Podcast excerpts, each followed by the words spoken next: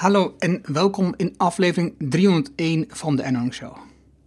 Ja, dit is aflevering 301. De vorige aflevering was 300 en dat was een jubileumuitgave.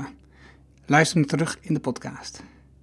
In de Enong Show leer je van ondernemers en ondernemende mensen die bijzondere resultaten bereiken, welke beslissingen ze genomen om hier te komen, wat ze doen, de strategie en hoe ze klanten krijgen. Mijn naam is Hanning en ik deel mijn opgedane kennis, ervaringen en expertise met jou. Ik coach ondernemers zodat ze stap voor stap de juiste beslissing nemen om uiteindelijk een gezonde groeimotor te creëren, zodat de onderneming vanzelf loopt. Hiervoor gebruik ik mijn ervaring met meer dan duizend klanten die met exact dezelfde uitdagingen zitten. Vandaag het gesprek met Marike de Ruiter de Wild. De in Tanzania geboren Marike is oprichter van The New Fork, een blockchainbedrijf gevestigd in Amsterdam. Marike's fascinatie voor agrivvoeding begon toen ze door Afrika reisde op haar zeventiende. Ze begon haar carrière in informatica aan de Universiteit van Wageningen en werkte meer dan 20 jaar aan landbouwdata van meer dan 50 landen. Ze keerde terug naar de Universiteit van Wageningen en vervulde verschillende managementfuncties over impactevaluatie. Ze werd directeur van een softwarebedrijf dat compliance-processen digitaliseert en richtte in 2017 de New Fork op. De New Fork bouwt nieuwe technologieën voor de landbouw supply chains gespecialiseerd in blockchain. Ik weet niet zo heel veel over blockchain, maar ben wel geïnteresseerd in goed voedsel. En in eerlijke processen en structuren waarbij we een positieve impact hebben op de planeet en de maatschappij. Een eerlijke prijs voor de boer en minder macht bij de producenten. Na het zien van vele documentaires over voedsel, de ketens en boeren raakt me dit onderwerp en werd het een interessant gesprek met Marike. Zij maakt de ketens transparant en daarmee duurzamer en eerlijker met blockchain. Ik heb veel geleerd van Marike. Luister daarom nu naar de inzichten van Marike. Laten we beginnen. Oh ja, en het is eigenlijk helemaal niet technisch waar we het over hebben. Welkom in de Erno Hamming Show. De podcast waarin je leert over de beslissingen om te groeien als ondernemer met je bedrijf. Luister naar de persoonlijke verhalen van succesvolle ondernemers en ondernemende mensen. Dan nu jouw business coach Erno Hamming. Vandaag zit ik in gesprek met Marike de Ruiter de Wild. Um, dankjewel dat je in de podcast komt, Marike. Graag gedaan. En uh, we hadden het al een voorgesprekje en ik zei al, uh, want jij zit in de wereld van de blockchain. Ja. En dat is een wereld waar ik niet zo in thuis zit, maar um, ik heb wel iets met voeding. En niet dat ik er zaken mee bezig ben, maar ik ben wel steeds meer bewust aan het nadenken, oké, okay, wat is de impact op uh, de planeet die ik heb met, met dingen? Dus nadenken over hoe kan ik um, spullen kopen die minder impact hebben dan andere spullen. Uh, dus, en daar rinkelt wel een bel, want dat is natuurlijk uiteindelijk wat jij doet. Absoluut, ja. Ja, totaal. Precies. En, um, maar voordat we dat um, ravijn induiken van jou, van uh, waar je nu bezig bent, maar ik, ja, ik, ik, ik zoek altijd uh, dingen op van met name die story, kijk LinkedIn allemaal door. En wat me opvalt is dat jij na je studie um, op ontzettend veel verschillende plekken in de wereld hebt gewerkt. Ja, ja, ja, ja. Ik heb op alle continenten gewerkt. En ik denk dat uh, mijn landenlijstje ligt ergens rond de 50 of zo. Ik heb dat nooit bijgehouden, maar ja, ik heb, uh, ik heb genoeg gezien. Want jij zegt, ik heb genoeg gezien, want je laatste um, plek was um, Nicaragua, toch? Ja, nou ook. Mijn, mijn, uh, mijn laatste plek was Schotland. Ja. Maar je zegt, en is het dan genoeg? Want was een bepaald moment oké, okay, ik moet weer terug naar Nederland?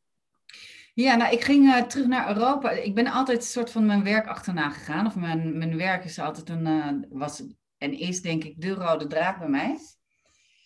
Um, en ik, ben, ik was in, uh, in Costa Rica en toen kreeg ik een aanbod voor Schotland. En vanuit daar kreeg ik een aanbod bij Wageningen. En mij, weinig mensen weten, maar Wageningen is natuurlijk de Landbouwuniversiteit, die zit in Wageningen. Maar uh, die heeft ook een kantoor in Den Haag. Dus toen ben ik daar naartoe gegaan. Oh, Oké, okay. ja, ik, ik, ik, wist in ieder geval niet. Dus ik ben waarschijnlijk een van die vele mensen die dat niet wist. Want ik ken alleen maar... Ik woon niet heel erg ver van Wageningen, dus voor mij is dat heel erg logisch. Ja, Nee, en het is eigenlijk, is het, als je er meer over nadenkt, is het weer wel logisch. Want ehm, Wageningen krijgt als enige uh, universiteit financiering vanuit het ministerie van Landbouw, in plaats van vanuit het ministerie van Onderwijs. En op zich is dat, uh, is dat gek. En, en dat verklaart ook een heleboel. Dat verklaart ook waarom we vanuit Nederland zo competitief zijn op landbouw. Omdat die kenniseenheid, soort van beleid, kennis en bedrijfsleven, zitten heel dicht bij elkaar. Um, en dat maakt het dus ook competitief. Um, en de reden waarom Wageningen zijn kantoor in Den Haag heeft, is omdat het gewoon plat, de, de deur plat loopt bij het ministerie. En met de deur plat loopt om, om ervoor te zorgen dat je de financiering behoudt? Ja, er zitten in de universiteit heb je natuurlijk ook allerlei onderzoeksinstituten. Hè? Dus die doen gewoon uh, contractonderzoek voor uh, bedrijven, maar zeker overheden. En Wageningen heeft een wettelijke verplichting om allerlei onderzoek te doen voor het ministerie. Hmm. En dat is daarom dus ook heel vaak, uh, ja, dat zit heel dicht tegen het ministerie aan. En dat is niet noodzakelijk slecht en dat is ook niet noodzakelijk goed. Want jij hebt ook gestudeerd in Wageningen. Ja, ja, ik ben begonnen met computer science en uh, dat heette agrosysteemkunde. Toen waren we met uh, vijf man in het hele jaar.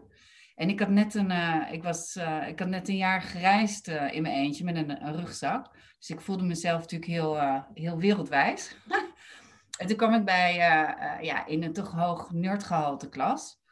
En dan voelde ik me, ja, ik voelde daar een beetje culturele, culturele afstand. Dus toen ben ik mijn eigen masters gaan maken. Dat wilde ik eerst ook voor mijn poppenduizen doen, maar dat mocht niet, maar wel dus voor een master. Uh, dus uiteindelijk heb ik mijn eigen master gemaakt. Maar wel het grootste deel in Wageningen, maar niet alles. Ik heb ook uh, goed geshopt bij andere universiteiten en ook, uh, ik heb ook gestudeerd in Edinburgh, in, in Schotland.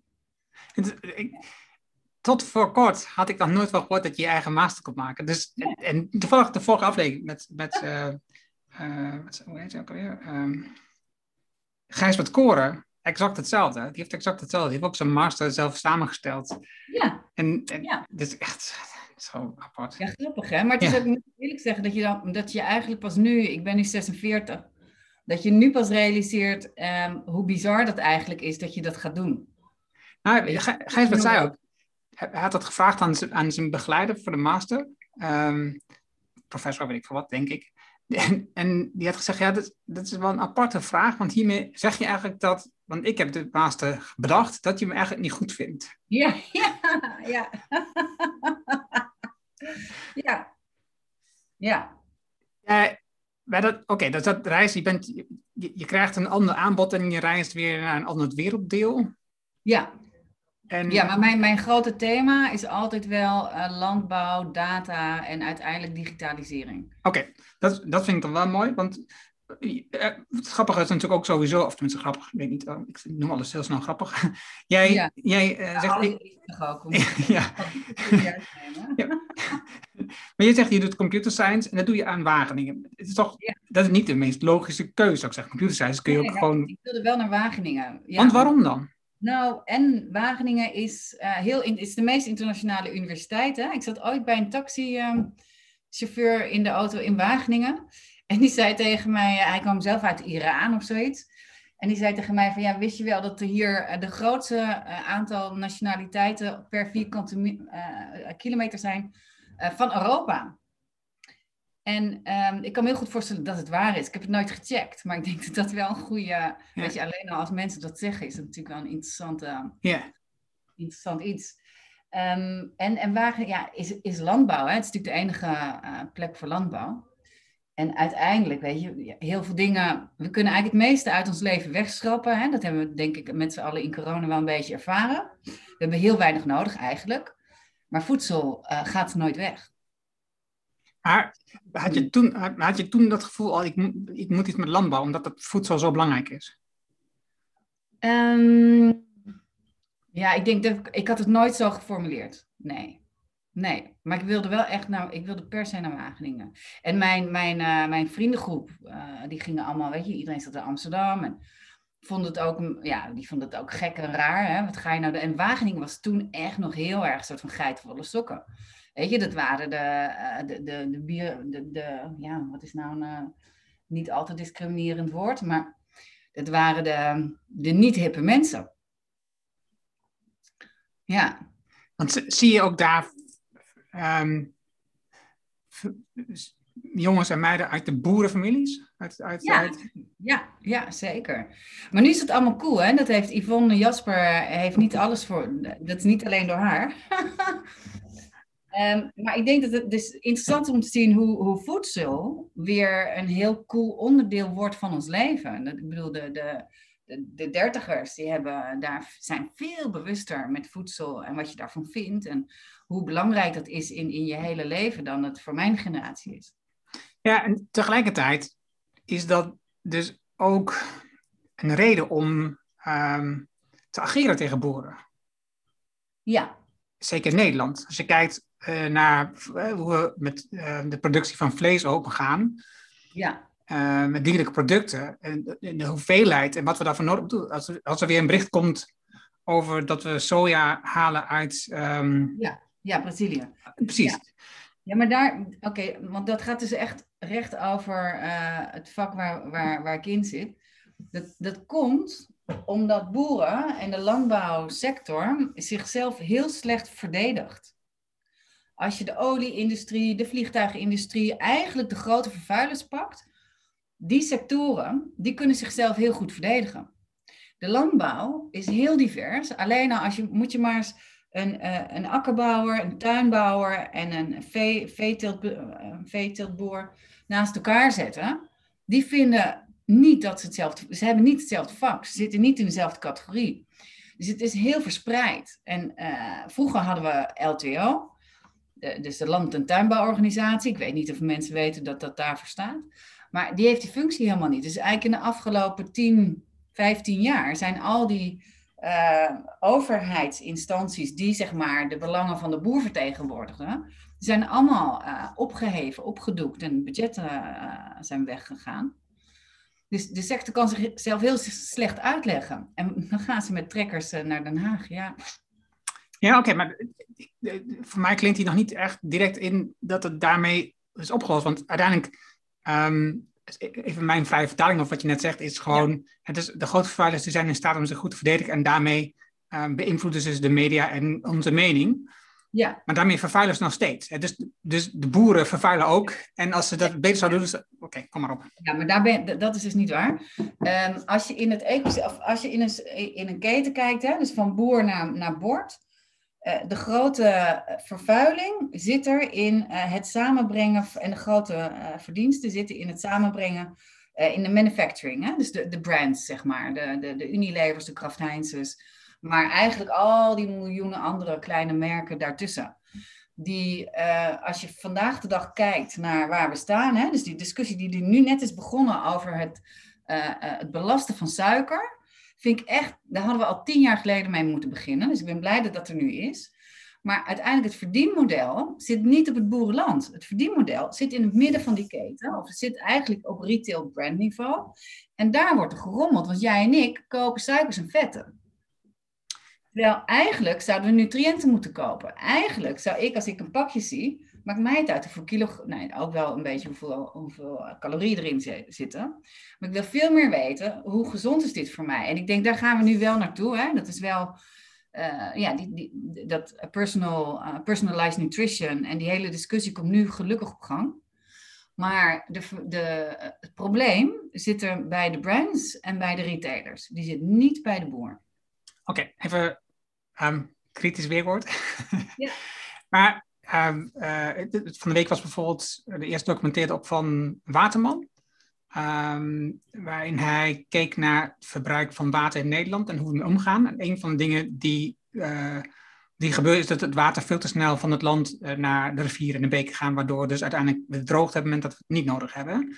En Ja. de boeren hebben daar een flinke bijdrage in gehad. Hè? Dus dat is, eh, voor- dat is niet mijn mening, dat werd daar uitgelegd voor duidelijkheid. En het andere punt wat hij noemde was, eh, dat voor de productie van 1 kilogram vlees is, ik dacht, eh mijn hoofd even duizend liter water nog. Ik weet niet precies wat Ja. het was. Dus er zit natuurlijk wel degelijk een vervuilend component.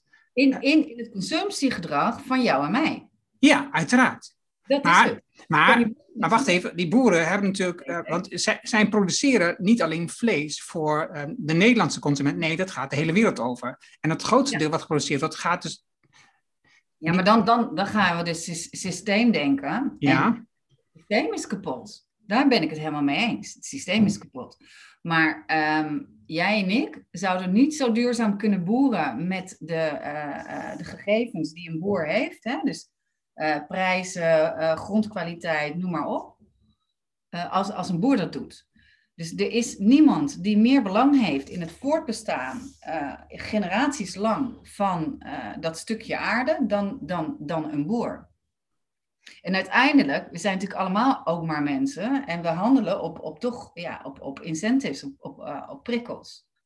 En eh, zolang, zolang zeg maar, het prijzensysteem werkt zoals het werkt, gaat er weinig veranderen. Dus het hele eh, economisch model rondom voedsel, dat is absoluut aan vernieuwing toe.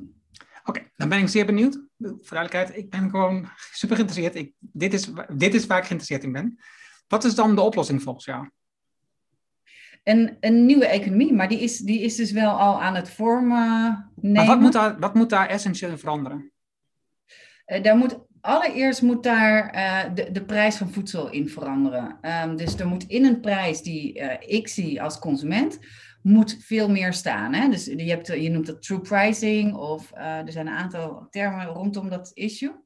Dus de prijs moet veel beter reflecteren wat de prijs van dat product is. Dat doet het gewoon niet. Punt. De prijs wordt bepaald door, door de industrie. Ik bedoel, het is natuurlijk gek dat eh, een, eh, een Red Bull, eh, wat zou een prijs van de Red Bull zijn? Weet ik niet eens. Ik pak een beetje 3 euro. Terwijl de ingrediënten, weet je, dat hele, het hele prijssysteem is gewoon, is niet het prijssysteem wat het zou moeten zijn als we een wereld willen waarin iedereen genoeg nutriënten kan hebben en we de wereld niet verpesten.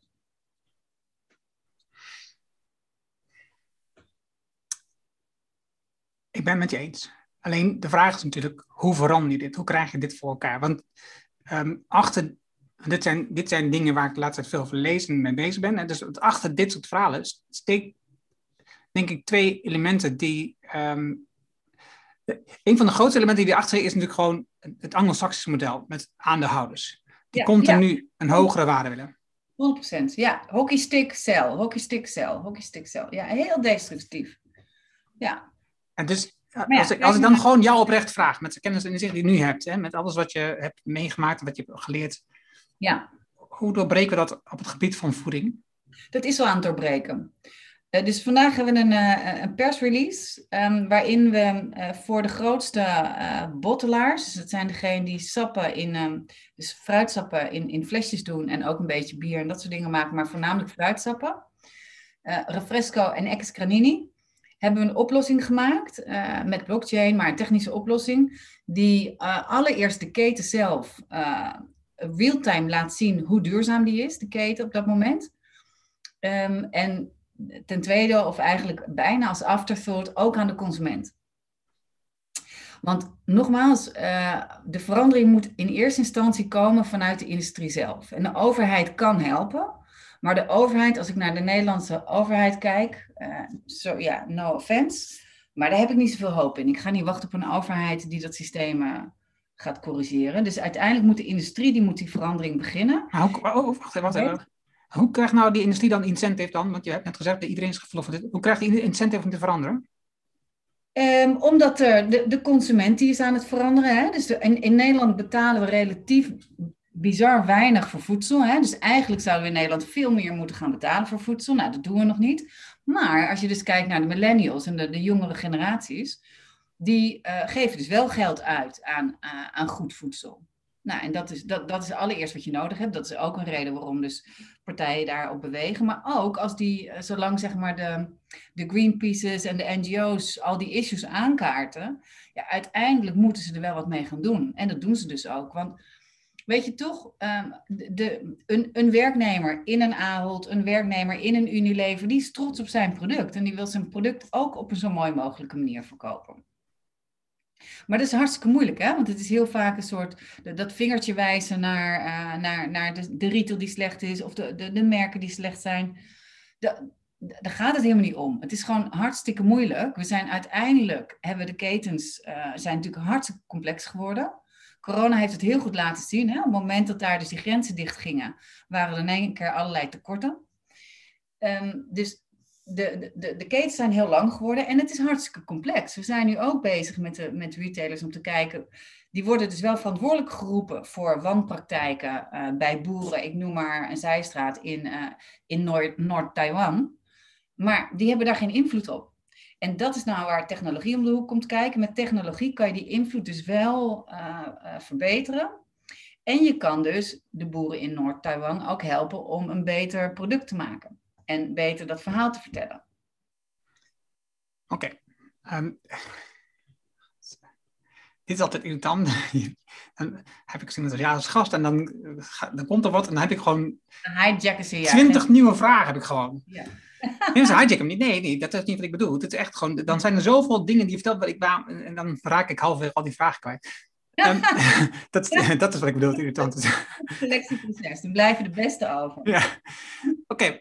Ehm, hoe, hoe laat dan de, het blockchain, want je had het net over blockchain, maakt het dan uh, zichtbaar? En, dan, en met als tweede ding voor de consument zij achteraan. Dat, ik dacht eigenlijk alleen aan de consument. Maar ja, nee, maar daarom, daarom zeg ik het ook heel expliciet. Want iedereen denkt van, oh, blockchain is zo goed voor de consument. Dan kunnen we de hele dag met de telefoon door de supermarkt lopen of thuis uh, achter het scherm lopen. Dat wil je niet en dat doe je niet. Toch? Je, je, wilt, je wilt je merk vertrouwen. Ik wil uh, mijn, mijn, uh, mijn winkel vertrouwen en ik wil de, de merken vertrouwen. Dus waar we naartoe gaan is een wereld waar je 100% merkgarantie hebt. Dus als ik als, uh, ik probeer even iets om me heen te zoeken met een grote claim. Maar bijna alle merken hebben natuurlijk allerlei claims, hè? want wij zijn dit en wij zijn dit en wij zijn zus. Uh, en vandaag de dag kan je van alles claimen, maar het hoeft niet waar te zijn. Ik weet niet of je het mee had gekregen, maar uh, de, de, Albert Heijn had uh, op de ananas een, een Ghanese boer staan met die ananas en een heel verhaal over die Ghanese boer. Er is dus een van de journalisten daar achteraan gegaan en blijkt dat die, ehm, dat die meneer op het pakje een andere naam had. En dat hij ook niet zo betrokken was als er op het pakje stond. Dus weet je, er worden allerlei claims gemaakt. Wij als consumenten, wij lezen dat, denken van oké, prima, weet je, is goed genoeg. Dus wij kopen ook heel makkelijk ons geweten af. Maar uiteindelijk wil je natuurlijk naar uh, een realiteit waarbij die claim die klopt. Ik weet 100% dat die claim klopt. En dat is wat blockchain doet. Het doet ook heel veel andere dingen, maar het geeft mij 100% garantie dat als ik wil, kan ik het gaan checken. Um, en ik weet dat wat daar op het pakje staat, dat dat ook echt uh, de, de informatie is die die partij heeft. Oké, een favoriet voorbeeld in Nederland van een bedrijf wat uh, nou, werkt aan toch uh, meer duurzame producten, is Tonne Chocolone. Ja. ja. Dus zij, zij ja. streven naar, strijden voor een wereld het slaafvrije ja, chocolade. Chocola, chocola is een luxe product. Ja. ja. Zeker, zeker. Hartstikke cute, ja. Maar hoe zou daar blockchain een rol in kunnen spelen volgens jou? Een heel goed voorbeeld, want Tony Chocoloni, um, die zijn natuurlijk heel erg duidelijk begonnen vanuit een one-issue ding, hè, slave-free. Dus die gingen met name een soort van laten zien dat het heus wel anders kon.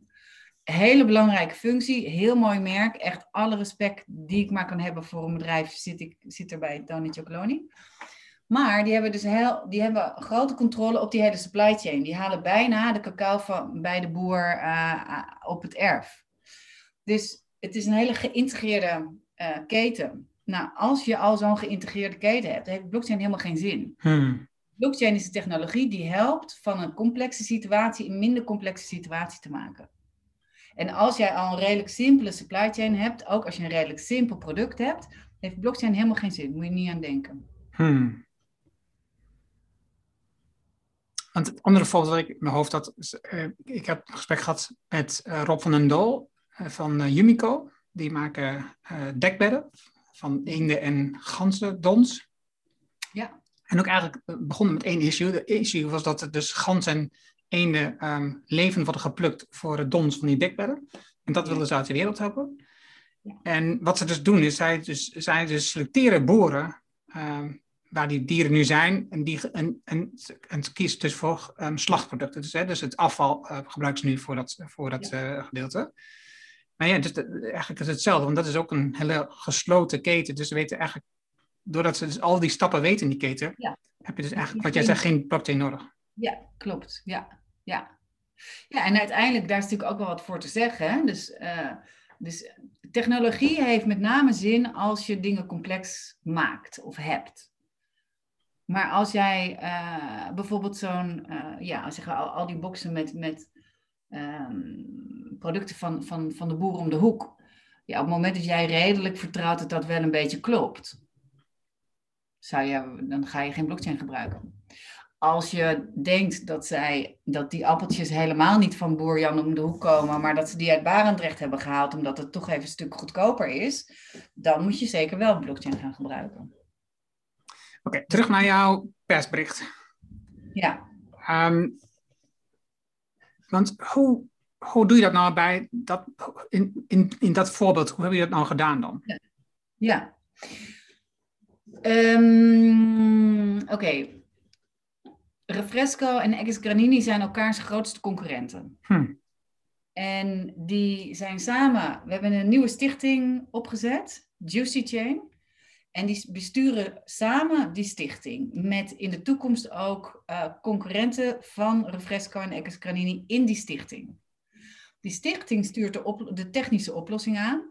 En die technische oplossing is daardoor echt een ketenoplossing. Dus die is niet alleen van Refresco, die is niet alleen van Ex Granini, die is ook van de boer en die is ook van de, tussen, van de transporteur uh, en van de verschillende partijen in de keten.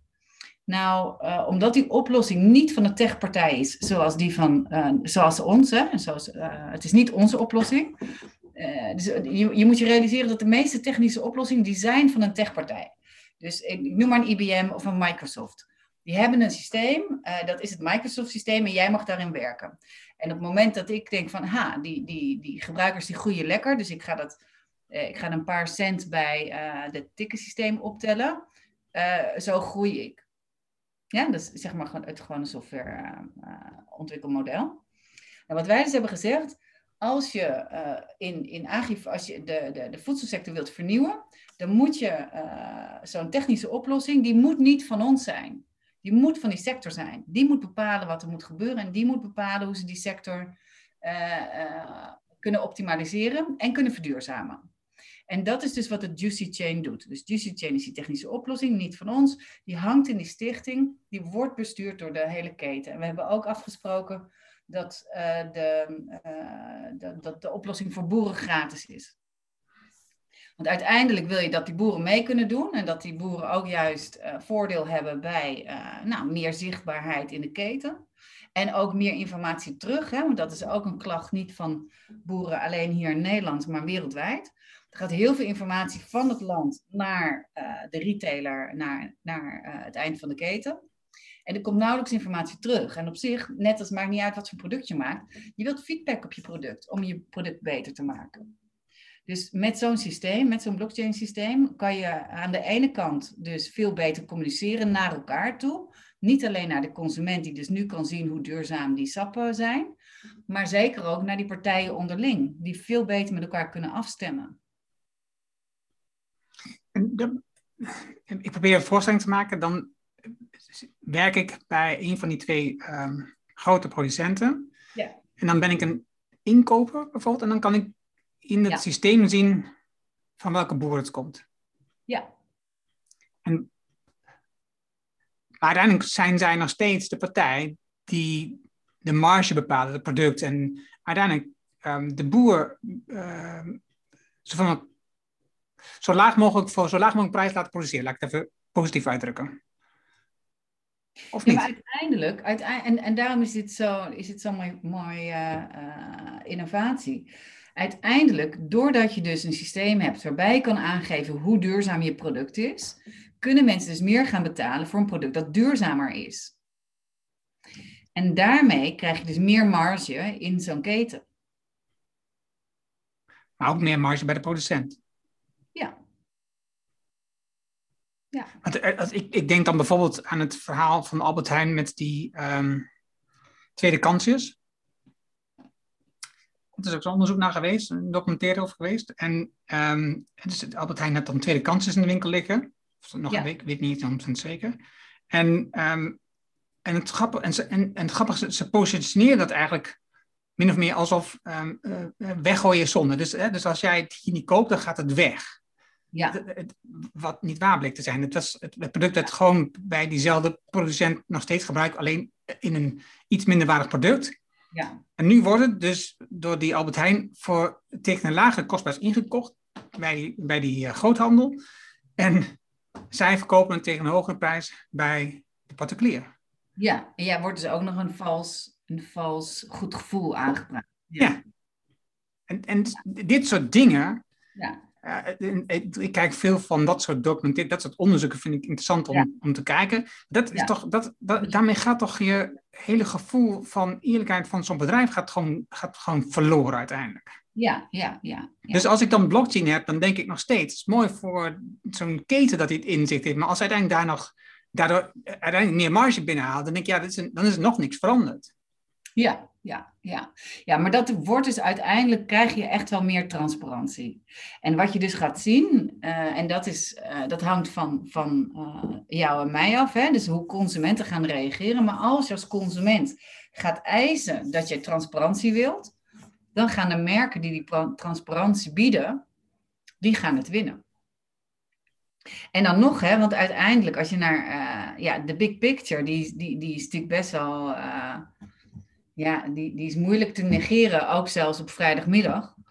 Ehm, uiteindelijk, wij hier in Nederland doen het allemaal hartstikke goed. Hè? We zijn best wel het be- betere kindje van de klas. Maar als je nou naar China gaat en India en waar eh, de echte mensen wonen, als in de, daar wonen de echte hoeveelheden mensen.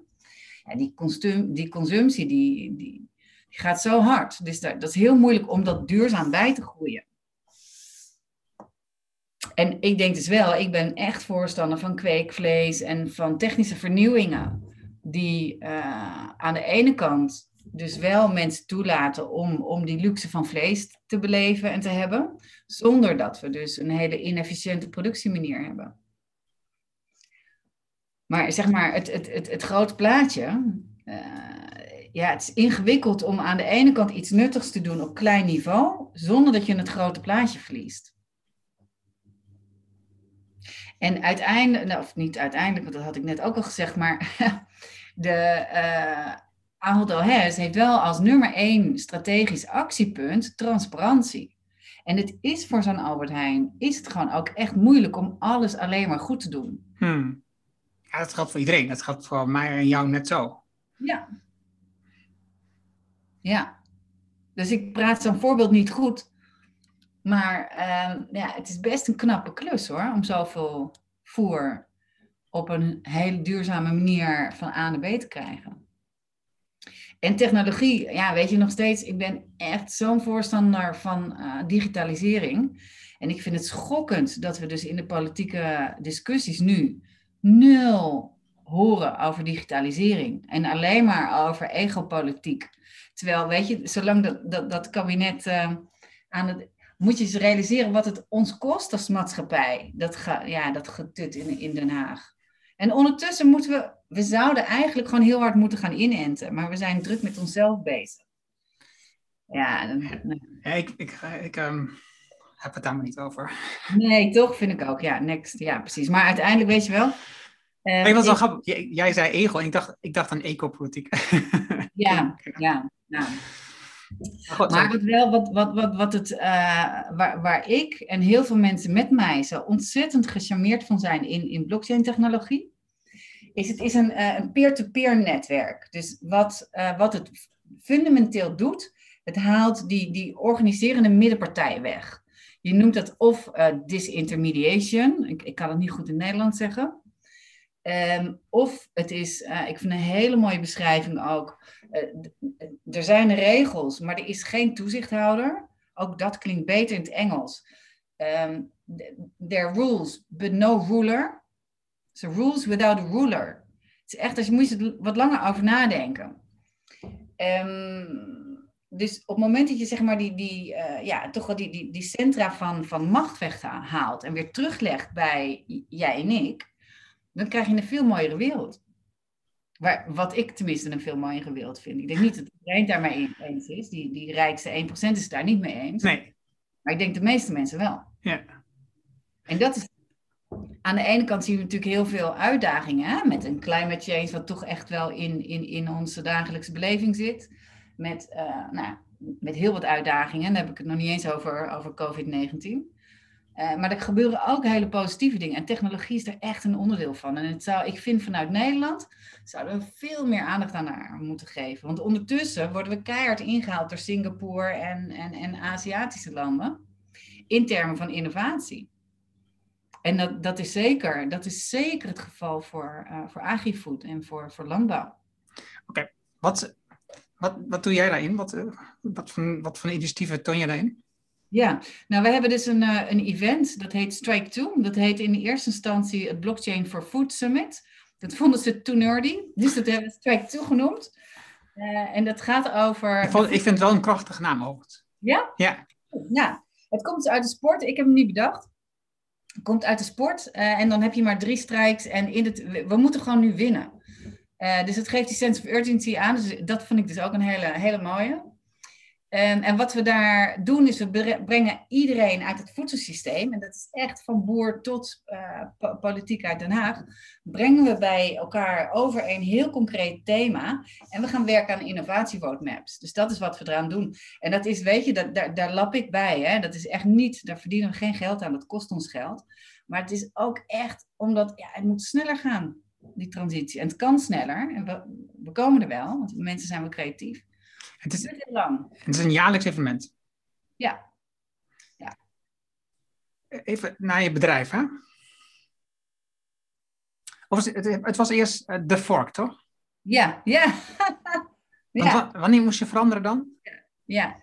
Um, het mooie van The Fork is, uh, ik heb hem bedacht ik aan het stofzuigen was en ik was aan het, uh, aan het luisteren naar een podcast. Um, en in blockchain, ik, ik, was aan het luisteren naar een blockchain podcast. In blockchain fork je. Dus uh, je hebt zeg maar, een, uh, uh, zeg maar een systeem. En als daar een verbetering komt, dan, dan, dan forkt de blockchain. En dan beslist elk individu, vind ik dat een verbetering ja of nee. En als je het verbetering vindt, ga je mee. Nou, als de meerderheid dan daar naartoe gaat, dan is dat het sterkste. Het is natuurlijk een hele mooie, hele mooie manier, maar dat heet een fork. En toen dacht ik van, hé, hey, maar dat is natuurlijk heel leuk, want ik zit in AgriFood. En daar hebben we ook heel veel vorken, dus vandaar de vork. Um, en toen uh, uh, nou, was de naam nog vrij, was ik sowieso een soort van verbaasd over. en toen, uh, ik geloof twee jaar later, kwam dus TripAdvisor. En die, die kocht over. En dat heette toen ook in één keer de vork. Omdat, het, dat wist ik ook niet, maar in Frankrijk heet het al heel lang La Fourchette, de vork. En uh, toen dachten we eerst nog van, ah, dan gaan we heel veel geld halen bij, uh, bij TripAdvisor. Maar die hadden dus al van alles jarenlang uh, helemaal legaal dichtgetimmerd. Dus dat was eigenlijk, ja, ik moest wel van naam veranderen. En we werden op een gegeven moment ook gebeld of we tafeltjes konden boeken. En toen hebben we met een heel leuk merkbureau hier uit Amsterdam, die, die dit voor niks deden. we hebben een uitwisseling gemaakt, een in-kind uitwisseling. Dus wij, wij hebben ze wat verteld over blockchain en zij hebben ons geholpen met de naam. Mooi. En toen werd de New Fork. Ja, was superleuk. Dat was echt hartstikke leuk. Ja. ja. ja. dus vandaar heten we nu de New Fork. En we worden straks natuurlijk de Only Fork. Want jullie gaan wel door. ja, ja, precies. Ja. Uh, nu, nu had je het net over, dus, uh, dus um, dat je in, de, in het nieuwe model dat je het aangaf met, met die uh, Juicy Chain, dat jullie daar geen eigenaar zijn van, van die tool. Hè? Dus dat, dat zit in die stichting. Ja, het is nog veel erger, want we ontwikkelen het ook. Veel beter. Het is nog veel beter. Ja, ja. ja, ik vind het beter. En uiteindelijk weet ik zeker dat het beter is.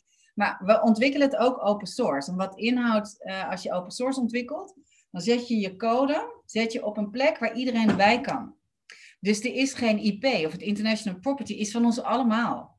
En uh, voor een agri-food sector die heel erg gewend is om zeg maar bij zichzelf te blijven. En weet je, wat de boer niet kent, dat is dus heel indicatief toch wel ook naar, aan zo'n cultuur in zo'n sector. Ja, die vinden dat natuurlijk heel raar. En ik denk, ik ken nog geen één uh, techbedrijf in Nederland in de agri-food dat open source ontwikkelt. Daar moet ik eens even naar googlen, die zullen er vast wel zijn. Maar dat is dus een heel raar ding. Uh, en dat komt heel erg uit die blockchain-wereld ook. Hè. Ik heb eerder ook open source ontwikkeld, maar uh, uit zo'n idee waarbij om met z'n allen beter en verder te komen, moeten we gewoon veel meer samenwerken. Dus dat is uh, buiten het feit dat we de oplossing dus aan de klant hebben gegeven, doen we het dus ook open source. Oké, wat, is, wat is dan jullie businessmodel? Ja, um, uh, dus ons businessmodel is het bouwen van die oplossing. Um, en het servicen van de gebruikers. Dus die gebruikers die dan op die oplossing zitten, als een Lofresco, als een uh, uh Granini, die willen dat niet zelf doen, want dat vinden ze, ja, die willen dat niet zelf doen, dus dat doen wij voor ze. Dus dat is, dus dat is terugkerende omzet? Ja, ja. Maar uiteindelijk is mijn businessmodel om het um, dus zo uh, competitief neer te zetten, dat we heel snel in heel veel sectoren dit kunnen neerzetten. Want uiteindelijk ben ik natuurlijk wel uh, ja, ik ben heilig van overtuigd dat je purpose en profit heel goed kan, kan combineren. Dus niet iedereen met me eens. Hè? Ik heb een, uh, een uh, soort van ondernemersnetwerk. Um, dat heet The Remarkable Effect. Met allerlei CIO's, sorry, CEO's van, van techbedrijven. En daar hebben we deze discussie best wel een paar keer gehad. En het, het gros is ervan overtuigd, je moet eerst profit en dan kan je van die profit kan je purpose doen. En ik ben ervan overtuigd dat je, dat je het kan combineren. Ja, je werkt samen met Pieter van Os. In ieder geval, het is uh, een van jouw uh, adviseurs. Of, uh... Zeker, ja. En die ken ik goed. Ach, kijk. Die, die, zit helemaal natuurlijk op het vlak van... Um, je kunt profit met purpose heel goed combineren. Sterker nog, hij zegt, het een kan niet... Ja. Het ene kan niet zonder het ander. Um, maar profit blijft dus belangrijk. Dus, hè, dus ja. je, je, kan geen profit, je kan geen purpose realiseren als je geen profit hebt. Dus, ben mhm. dus is het dan handig om dus telkens projecten te starten waarbij je dus eigenlijk alleen maar op dat moment het adviestraject en bijvoorbeeld de productie um, realiseert en daarna weer op zoek moet naar nieuwe klanten continu? Uh, nee, je, hebt natuurlijk ook het maintenance, hè? Dus je, je, je hebt ook het maintenance. Dat, dus dat zijn je recurring inkomsten. Precies. Ja, en uiteindelijk ben ik er natuurlijk van overtuigd dat de oplossing zo goed is dat ze meer willen van die oplossing. Ja. Dus dat ze ook ons gaan vragen om daar eh, meer voor te ontwikkelen. En ja, het interessante is natuurlijk, omdat we het open source doen, kunnen ze ook heel goed naar een ander. Kunnen ze ook zeggen van nou, we willen niet meer dat, dat, uh, dat de, de New Fork dat doet, maar een ander. Dat kan. Uh, maar ik geloof dus in dus de, de, de echte concurrentiekracht daarin. Dus ik moet gewoon zo goed blijven dat ze mij weer willen. Ja. Het houdt mij scherp en het houdt de klant scherp. Ja, ik, ik ken natuurlijk, natuurlijk ik ken WordPress als, als uh, voor mij het open source voorbeeld. Daar heb ik ja. sinds 2005 werk ik er mee. En ook ja. in die um, uh, wereld heb ik wel wat rondgelopen. Dus, dus voor, voor mij is, is dat dus een enorm schoolvoorbeeld dat open source werkt en dat je ook gewoon geld mee kunt verdienen. Ja, ja. Ja, maar het is best een risico, hè? want we zijn het niet gewend in de agrifood. Nee, oké, dat is agrifood, maar goed, uiteindelijk um, zal dat uiteindelijk ook keren. Ja, zeker. En ik denk ook, hè, want er komt steeds meer discussie over uh, uh, open source. En uiteindelijk, weet je, die, die, die, die vendor lock-ins, dus waar, waar bijvoorbeeld een, uh, een IBM of... Apple, Microsoft ja, waar, waar die goed in zijn. Ja, dat kan aan de ene kant uh, een voordeel zijn, want dan gaat hij heel hard voor jou nadenken, want jij moet blijven als klant. Maar aan de andere kant, ja, het is ook een beetje ouderwets. Het is ook een beetje, uh, weet je, je dwingt mij ergens in te zitten, maar daar wil ik helemaal niet in zitten. Dus uh, uiteindelijk ben ik er natuurlijk van overtuigd dat de wereld echt toegaat naar veel meer openheid en veel meer keuze bij, bij het individu gaat laten. Ja, daar ben ik ook van overtuigd. Sterker nog, ik geloof er dus in, of daar werk ik aan, dat je nadenkt over de keuze van de medewerkers in het bedrijf. Dus dat je ook de keuzes rondom uh, zakelijke beslissingen die je neemt, zoveel mogelijk neerlegt bij um, ja. Uh, ja, alle niveaus in de organisatie. Dat ja. niet, niet als CEO of oprichter alleen maar bezig bent met die keuzes. Ja, ja nee, 100%. Dus wij, wij zijn ook een hele platte organisatie. En uh, dat is misschien ook leuk om te weten. We doen ook aan medewerkersparticipatie um, op een blockchain. Leg eens uit. Nou, wat blockchain dus doet, um, het, het maakt um, eigendom of uh, eigenaarschap uh, hard, omdat, omdat het onveranderlijk is, kan je dus registreren. Dus ik kan mijn aandeel in iets op een blockchain registreren. Dat heeft zeg maar de, de kracht van een notariële actie. Um, en doordat het blockchain is en niet de notaris, zijn de kosten een stuk lager om dat te doen. Hè? Dus je transactiekosten van het managen van je aandelen wordt veel goedkoper. En je kan ook vele kleinere aandelen weggeven. Dus blockchain die maakt transacties uh, aan de ene kant uh, veel harder. Hè? Dus blockchain is ook echt uh, de technologie waardoor we dus niet alleen maar internet hebben. Je hoort vaak roepen dat het, zeg maar, blockchain helpt het nieuwe internet neerzetten, dus Web 3. En dat komt omdat we niet alleen maar informatie over het internet kunnen verplaatsen, maar ook waarde. Dus omdat die informatie zo goed vergrendeld is, kunnen we nu in plaats van hi Erno, kan ik jou gewoon geld oversturen. Dat is, dat, is de echt, dat is de innovatie. En dat kan je dus ook toepassen op je eigen bedrijf en je, je aandelenstructuur. En uh, je, bedoel, dat gebeurt natuurlijk op meerdere plekken, dat je gewoon je, je, je, je werknemers um, uh, participatie geeft. Maar het leuke is natuurlijk, als je dat ook doet met blockchain, vinden wij heel leuk. En het is dus ook een veel beter systeem, want het is veel uh, voor een, medewerker is het veel transparanter, veel toegankelijker, uh, veel inzichtelijker bedoel ik daarmee. Um, en het, het is dus veel goedkoper. Dus even van mijn beleving, dus je hebt um, 100% van de aandelen van je bedrijf. En die stop je allemaal in de blockchain of doe je dan een percentage stop in de blockchain? Ja, een deel daarvan, ja. En, nou ja, ja dat, dat, ligt, dat ligt eraan, hè? dat zijn keuzes die je maakt. Wat, wil je zeggen hoeveel procent je daar, jullie daarin gestopt? Nee. Nee, dat is niet erg. En um, als je dan kijkt, want wat doet dat dan met je team, dat je op die manier die participatie organiseert? Nou, ik geloof er heilig in dat iedereen, of mensen met wie ik wil werken, zijn mensen die allereerst voor zichzelf willen werken en ten tweede voor mij. Of eigenlijk, nee, dat moet ik anders zeggen. Allereerst voor zichzelf, dan voor het product wat we maken en ten derde voor mij of, of ten achtste voor mij. Um, dus juist om zo'n ondernemende, uh, om ondernemende mensen aan te trekken en die uh, ook tevreden te houden, maar ook om in gezamenlijkheid iets moois neer te zetten. Uh, daarom geloof ik in, in de participatie. ik bedoel, een salaris. Nou, daar moet ik maar niet te veel over zeggen, maar een salaris is natuurlijk heel passief, weet je. Dus eh, je, je, loopt nul risico, wat voor heel veel mensen, ik denk de meerderheid van de mensen, is dat heel fijn. Maar dat zijn niet de mensen die ik nu nodig heb in mijn bedrijf. Ik heb mensen nodig die uh, visie hebben, die zich niet in één keer uit de weg laten slaan. Die ook niet meteen gaan huilen als, uh, nou ja, als ze flink tegengas krijgen. Ik heb stevige mensen nodig. Anders gaan we niet, anders gaan we niet redden. En dan helpt een inzicht of een, een, aanbod dat je participatie krijgt in jouw bedrijf voor mensen om bij te komen. Ja, en ik geloof er ook aan. Wat, dan, wat je dus doet, bedoel, dat is natuurlijk ook het hele idee van een bonus. Het is natuurlijk gewoon een incentive systeem. Maar uiteindelijk zijn, en het feit dat we dus purpose en profit combineren, hè, dus iedereen bij ons in het bedrijf, en ik zeg iedereen, maar we zijn niet zo groot, we hebben 20 man. iedereen die is wel allereerst ook echt, uh, uh, die is er voor, het, voor de purpose. En dat je je er brood mee wilt verdienen, dat is, ja, natuurlijk. Natuurlijk wil je ook uh, een, een, leuk, een leuk leven hebben. Maar in eerste instantie zitten we er ook echt vanuit een, uh, een frustratie dat het voedselsysteem beter kan en moet. Um, als je kijkt naar. Of, of het over dat probleem hebben. Als je kijkt naar het boek van. Nou, ik kan het naam niet uitspreken. Uh, de, de, Goede Voorouder. Heb je dat boek? Nee. Nee. Zoek maar even op wat het weer, hoe die ook weer heet. Ja. Keer, die man.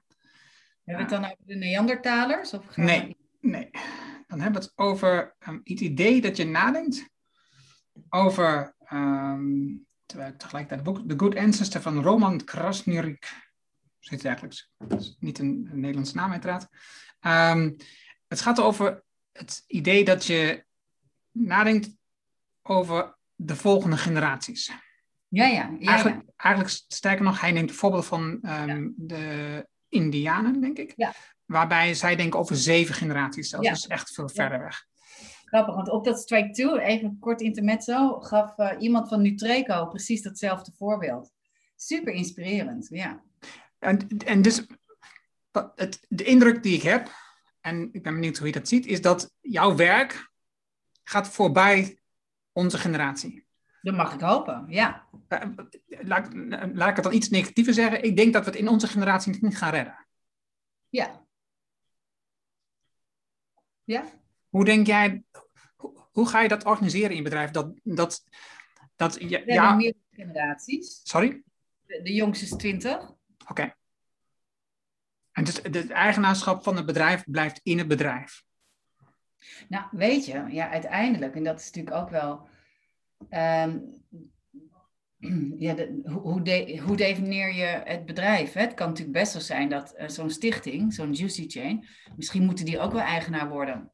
Want dan, dan hebben we helemaal een mooie groei. Dan, weet je, dan heb je alle belangen, alle incentives op de goede kant staan. Ja, we zijn net begonnen. Nee, daarom ben ik met je aan het eh, over nadenken. Dit, ik, ik vind het dus ook dus super interessant. Meer, ik geloof niet meer in, weet je, die, die, die wereld van, van die gesloten hokjes, die, die, is, die is er nog wel. Die is er nog veel te veel. Uh, maar die is niet goed, die is niet gezond, voor, voor niks niet. Of de, wij zijn echt toe aan vernieuwing. Als je kijkt naar jouw, jouw reizen, Hmm. Voordat je in Amsterdam bent neergestreken. Ja. Wat, wat heeft dat met je gedaan op dit onderwerp? Nou, ik denk eigenlijk, hè, ik ben in Tanzania geboren en ik was drie toen we weer teruggingen. Dus, maar ik denk dat dat ook echt wel, dat, dat, dat geeft je wel een andere mindset. Want vanaf, ja, je, dat maakt je toch bewust dat er ergens nog een vaag land ergens is, wat Tanzania heet. En dat maakt je denk ik qua mindset uh, uh, open. En dat ik zoveel gezien heb, ja, dat heeft me heel veel bijgebracht en heel veel inzicht gegeven. Of het goed inzicht, weet ik niet. Weet je, dat, dat, dus, uh, dat, dat moeten anderen maar bepalen. Maar je leert daar heel veel van. Ik heb ooit wel eens geroepen, uh, maar ik meen dat eigenlijk steeds meer. Iedereen in, in de hele wereld zou gewoon één jaar verplicht naar een ander, andere cultuur moeten. Dan denk ik, dan zijn er heel veel problemen zijn gewoon opgelost. Ja, ik kan, uh, ik, ik, kan, ik kan me enorm in vinden.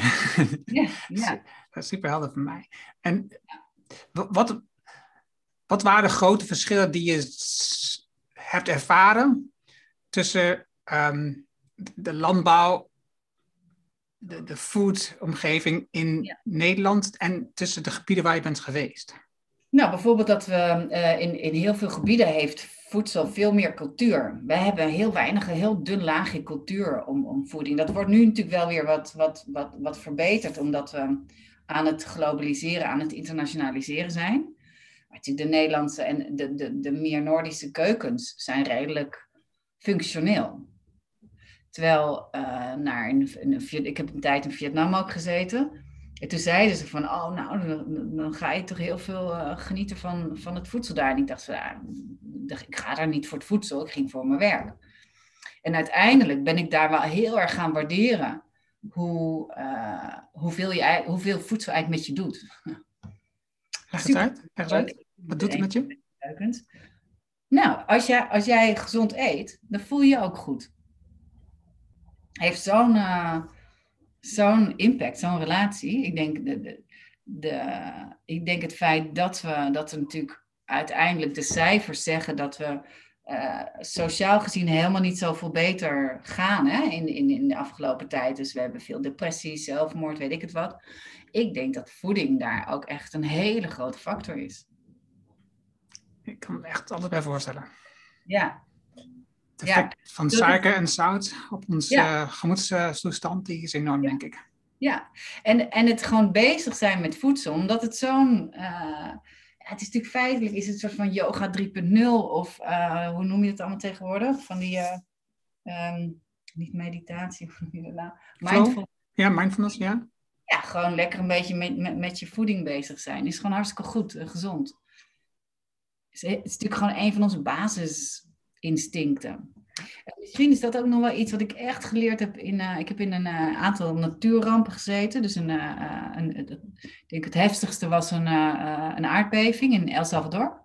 En er was een aardbeving met, met schaal 8. En dat is echt, ik kijk het raam uit en ik zie gewoon Ik zie gewoon die straat omhoog komen. En dat, wat dat, dat is heel angstig. Hè? Dat is niks zo angstig als, als dat. Het is echt een hele slechte film. Ehm, en dan realiseer je je hoe laag, uh, hoe, hoe klein het laagje samenleving is. Of sa um, um, ik wil niet zeggen samenleving, maar de, de sociale orde. Hoe dun dat is. Want dan gaat het onmiddellijk over survival. En dan gaat het echt over ik eerst en dan jij.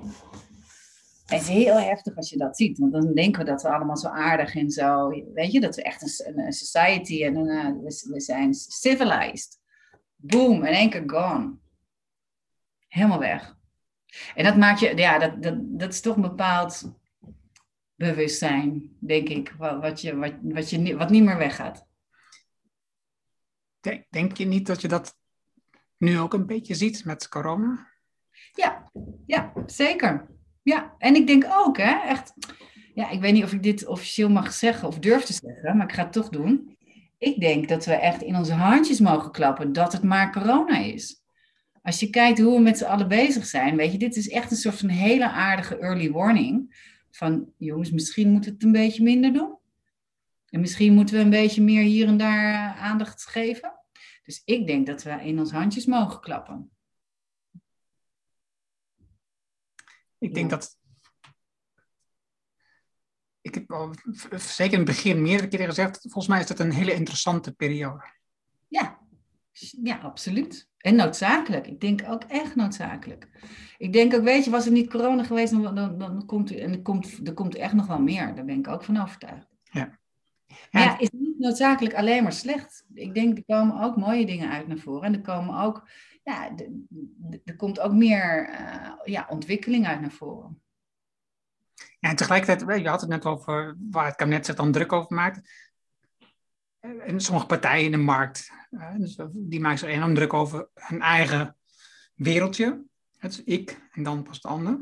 Hmm. Je vraagt je af of dit signaal wel voldoende is.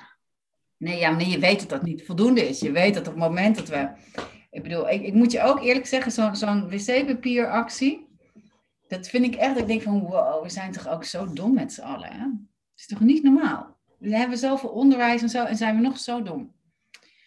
Dus nee, natuurlijk is het niet genoeg. En uh, om, om verandering te krijgen, uh, heb je echt gewoon persistence en continuering nodig. Dus er moet constant aanpassing komen. Ja, en dit, en dit is voor mij dus ook precies waar het om draait. Hè? Dus nadenken, oké, hoe kan ik er nou voor zorgen? Hele kleine stapjes, een hele lullige kleine stapjes. En, en hoe kan ik er dan voor zorgen als, als ondernemer, um, als, als, als aanstichter van ideeën, dat dit, mm. dus, dat dit dus generaties voortzet. Dus dat is, dat is waar ik me enorm druk over maak om, om te kijken, hoe kan ik ervoor zorgen dat deze ideeën zich gewoon voordragen, ook als ik er niet meer eh, bij betrokken ben overleden ben. Dus, eh, ja, maar dan durf ik ook iets anders te zeggen. Ik, ik denk dat daar twee componenten zitten. Ik denk één, uh, ik geloof niet in de kracht van het individu. Dus ik geloof dat, ik bedoel, was het Bill Gates niet geweest, dan was het Pieter Hans geweest.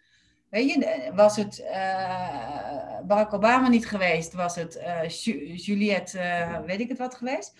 Dus de, ik geloof heel erg in, er zijn gewoon, we zijn als mensheid, als maatschappij gewoon toe aan een bepaalde verandering en die komt dan. Dus ik geloof niet dat ik in mijn eentje de wereld ga veranderen. Hmm. Maar ik geloof wel dat als ik die kansen pak en die eventjes wat sneller doorpak dan uh, uh, een buurman, dat dat wel helpt. En waar je voor moet zorgen, is dat je veel meer met, ja, dat vind ik, ik vind het nog steeds een beetje een lullige term, maar de changemakers, uh, de coalition of the willing, dan moeten eigenlijk, daar moeten we gewoon een goede term voor bedenken. Dat we gewoon met de goede mensen wat harder gaan. En, en Zit dat dan voor jou voornamelijk in ondernemerschap? Niet alleen, niet alleen. Nee, want het lijkt me hel als je een wereld met alleen maar ondernemers hebt. Niet aan denken. Ik heb nu, uh, ik, ben, ik, heb, ik heb geen zakenpartner. En dat is, moet ik zeggen, uh, over, als we het hebben over ondernemerschap. Uh, ik heb heel vaak heb ik dat echt betreurd. Want het is echt wel zwaar. Je moet alle besluiten en alles in je eentje doen. Dus dat is niet een, ja, ja, dat is zwaar. Dat is gewoon zwaar. Dus als je een partner hebt, kan je, weet je, kan je lekker sparren. Dan neemt je af en toe, kan je een beetje wisselen. Maar aan de andere kant, als ik iets wil, dan gaan we het ook gewoon doen. Er zit ook, er zit ook een voordeel, voordeel aan. Uh, en, maar ik zeg dat dus ook, ja, weet je, alleen maar ondernemers, dat, dan, komen, dan komen we nergens. Nee. We hebben het hele systeem nodig. Ja, ja met wat je net zei, met dat partner, ik denk tegenwoordig, het, het, genoeg sinds, um, nou ja, zeg maar een paar maanden na corona, um, de lockdown, wil ik ook zeggen, dat is een lockdown in Nederland, um, denk ik meer in, alleen ga ik sneller, maar samen kom ik verder. Ja, ja, ja. ja. Dus ik, ik merk hoe, hoe belangrijk nu samen, samenwerkingen voor mij zijn geworden. Ja. ja, dat is heel interessant, ja. Ja, dat is waar, de, de, absoluut. En dat is ook, weet je, dat voorbeeld van, misschien even terug naar de Juicy Chain en mm -hmm. Ja, dit is echt met z'n allen bedacht. En weet je, dus, er is, ik geloof ook niet, er is nooit één, één owner. Uh, Elon Musk doet het ook echt niet alleen. Ja, en ja, ik, ik geloof in die, die kracht van innovatie. Dus je moet gewoon goede, goede mensen bij elkaar hebben. En de een die kan wat beter dit en de ander wat beter dat. Het verschil tussen jou en Elon Musk is super duidelijk natuurlijk. Ja. even, even man-vrouw daar gelaten. Maar uh, die, hebt ondernemers als Elon Musk die op ego drijven, weet je, daar speelt de ego een belangrijke rol in de voortgang van het bedrijf. En bij jou is, is het veel meer dus die samenwerking die je net schetst. Ja, ja en, en, en, en toch ook echt gewoon purpose. En dat is, ja, ik denk dat dat wel een heel groot um, aspect nerdiness heeft. Want ik heb dat dus wel echt vanaf het begin gehad. Uh, ik wil dingen beter maken. En dan krijg je natuurlijk heel vaak de vraag van, nou waarom dan, weet je? Wat maakt het nou uit? Je kan toch beter gewoon geld verdienen? De, die vraag heb ik echt heel vaak gehad. Uh, ja, maar weet je, daar word ik niet gelukkig van. Ik hoef niet, uh, ik wil de dingen kunnen doen die ik wil doen. Maar ik hoef echt niet vier auto's. Om maar iets, iets, iets zeggen. Nee, ik word gelukkig als, de weer, als het een betere wereld wordt. Dus toch veel veel, geeft veel meer voldoening uh, als, je, uh, als je een purpose neerzet. Oh, denk ik dat dat voor 99% van de bevolking geldt. Denk je dat, ja? En 1% is superrijk en die interesseert geen zak. Ja, ja precies. Ja, ja, ja. ja voelen nou, zich gelukkig met veel geld, gebruik ik. Ja, nou ja, en de vraag is natuurlijk hoe, la hoe lang laten we dat doorgaan? Want uiteindelijk is dat natuurlijk niet echt een, uh, een, een wenselijke situatie. Nee, maar dat zal nog wel even duren, denk ik. Astrid, of Marike, um, ik weet dat we aan een tijdslimiet zitten. Ik vind het zonde om het gesprek uh, te weinigen, want er zijn nog zoveel ja, dingen die ik met je wil. Een positieve, we gaan niet eindigen met, met, met dat de rijken toch nog heel lang rijk blijven. Dat vind ik Nee, voor mij was dit een super leerzaam gesprek. Um, ik heb genoten van je inzichten en ook hoe je tegengas geeft met op mijn ideeën over um, de impact van boeren. En, um, en hoe je werkt aan transparantie in, in, in deze wereld om ervoor te zorgen dat dus het niet alleen inzichtelijk wordt, maar ook daarmee eerlijker verdeeld wordt. Ja. En dat is denk ik ja, wat het mij gebracht heeft. En, en, en, dat is voor mij positief. Dat laatste, dat interesseert niet zoveel. Dat is gewoon een... Dat is gewoon...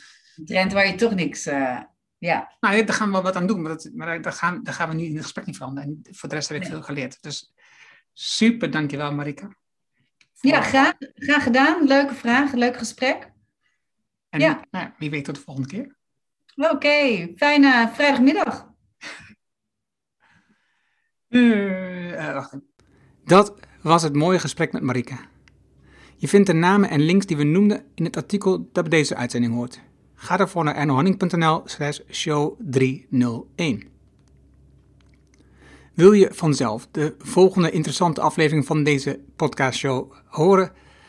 Abonneer je dan via bijvoorbeeld iTunes of Stitcher of Soundcloud. Heb je een iPhone, dan is dat heel eenvoudig. Daar zit standaard de Apple Podcast op. Open die app, zoek de Ernohanning Show op en klik op abonneer. Heb je een Android-telefoon Installeer dan bijvoorbeeld eerst de Player FM app. Open de app. Zoek de Show op en klik op abonneer. Dankjewel hiervoor. Heb je vragen, opmerkingen over deze aflevering met Marieke of over de podcast in het algemeen? Stuur dan een e-mail naar podcast.ernohanning.nl Ik hoor super graag van jou. Wil je leren hoe je impact zichtbaar maakt om klanten en medewerkers aan te trekken? Wil je weten wat de drie basiswaarden zijn voor resultaat, hoe je meer resultaat krijgt door minder te doen? En wil je de 7 tips leren om goed nee te zeggen? Vraag dan het boek Betere Beslissingen voor meer impact aan op ernohanning.nl. Dit is mijn nieuwste boek en daarom download je het nu helemaal gratis. Je hebt zelfs geen e-mailadres nodig. Er is ook een Kindle en EPUB versie. Wil je de papieren versie van dit boek? Dat kan ook. Je betaalt dan alleen de verzendkosten. Mijn nieuwste boek is altijd gratis. Vraag het daarom nu aan. En je vraagt jouw boek aan op ernohanning.nl. Ik weet, je hebt een volle agenda, je leest het in één avond tijd, dat beloof ik je. Dankjewel voor het luisteren en graag tot de volgende. Dankjewel voor het luisteren naar de Erno Hanning Show op ernohanning.nl.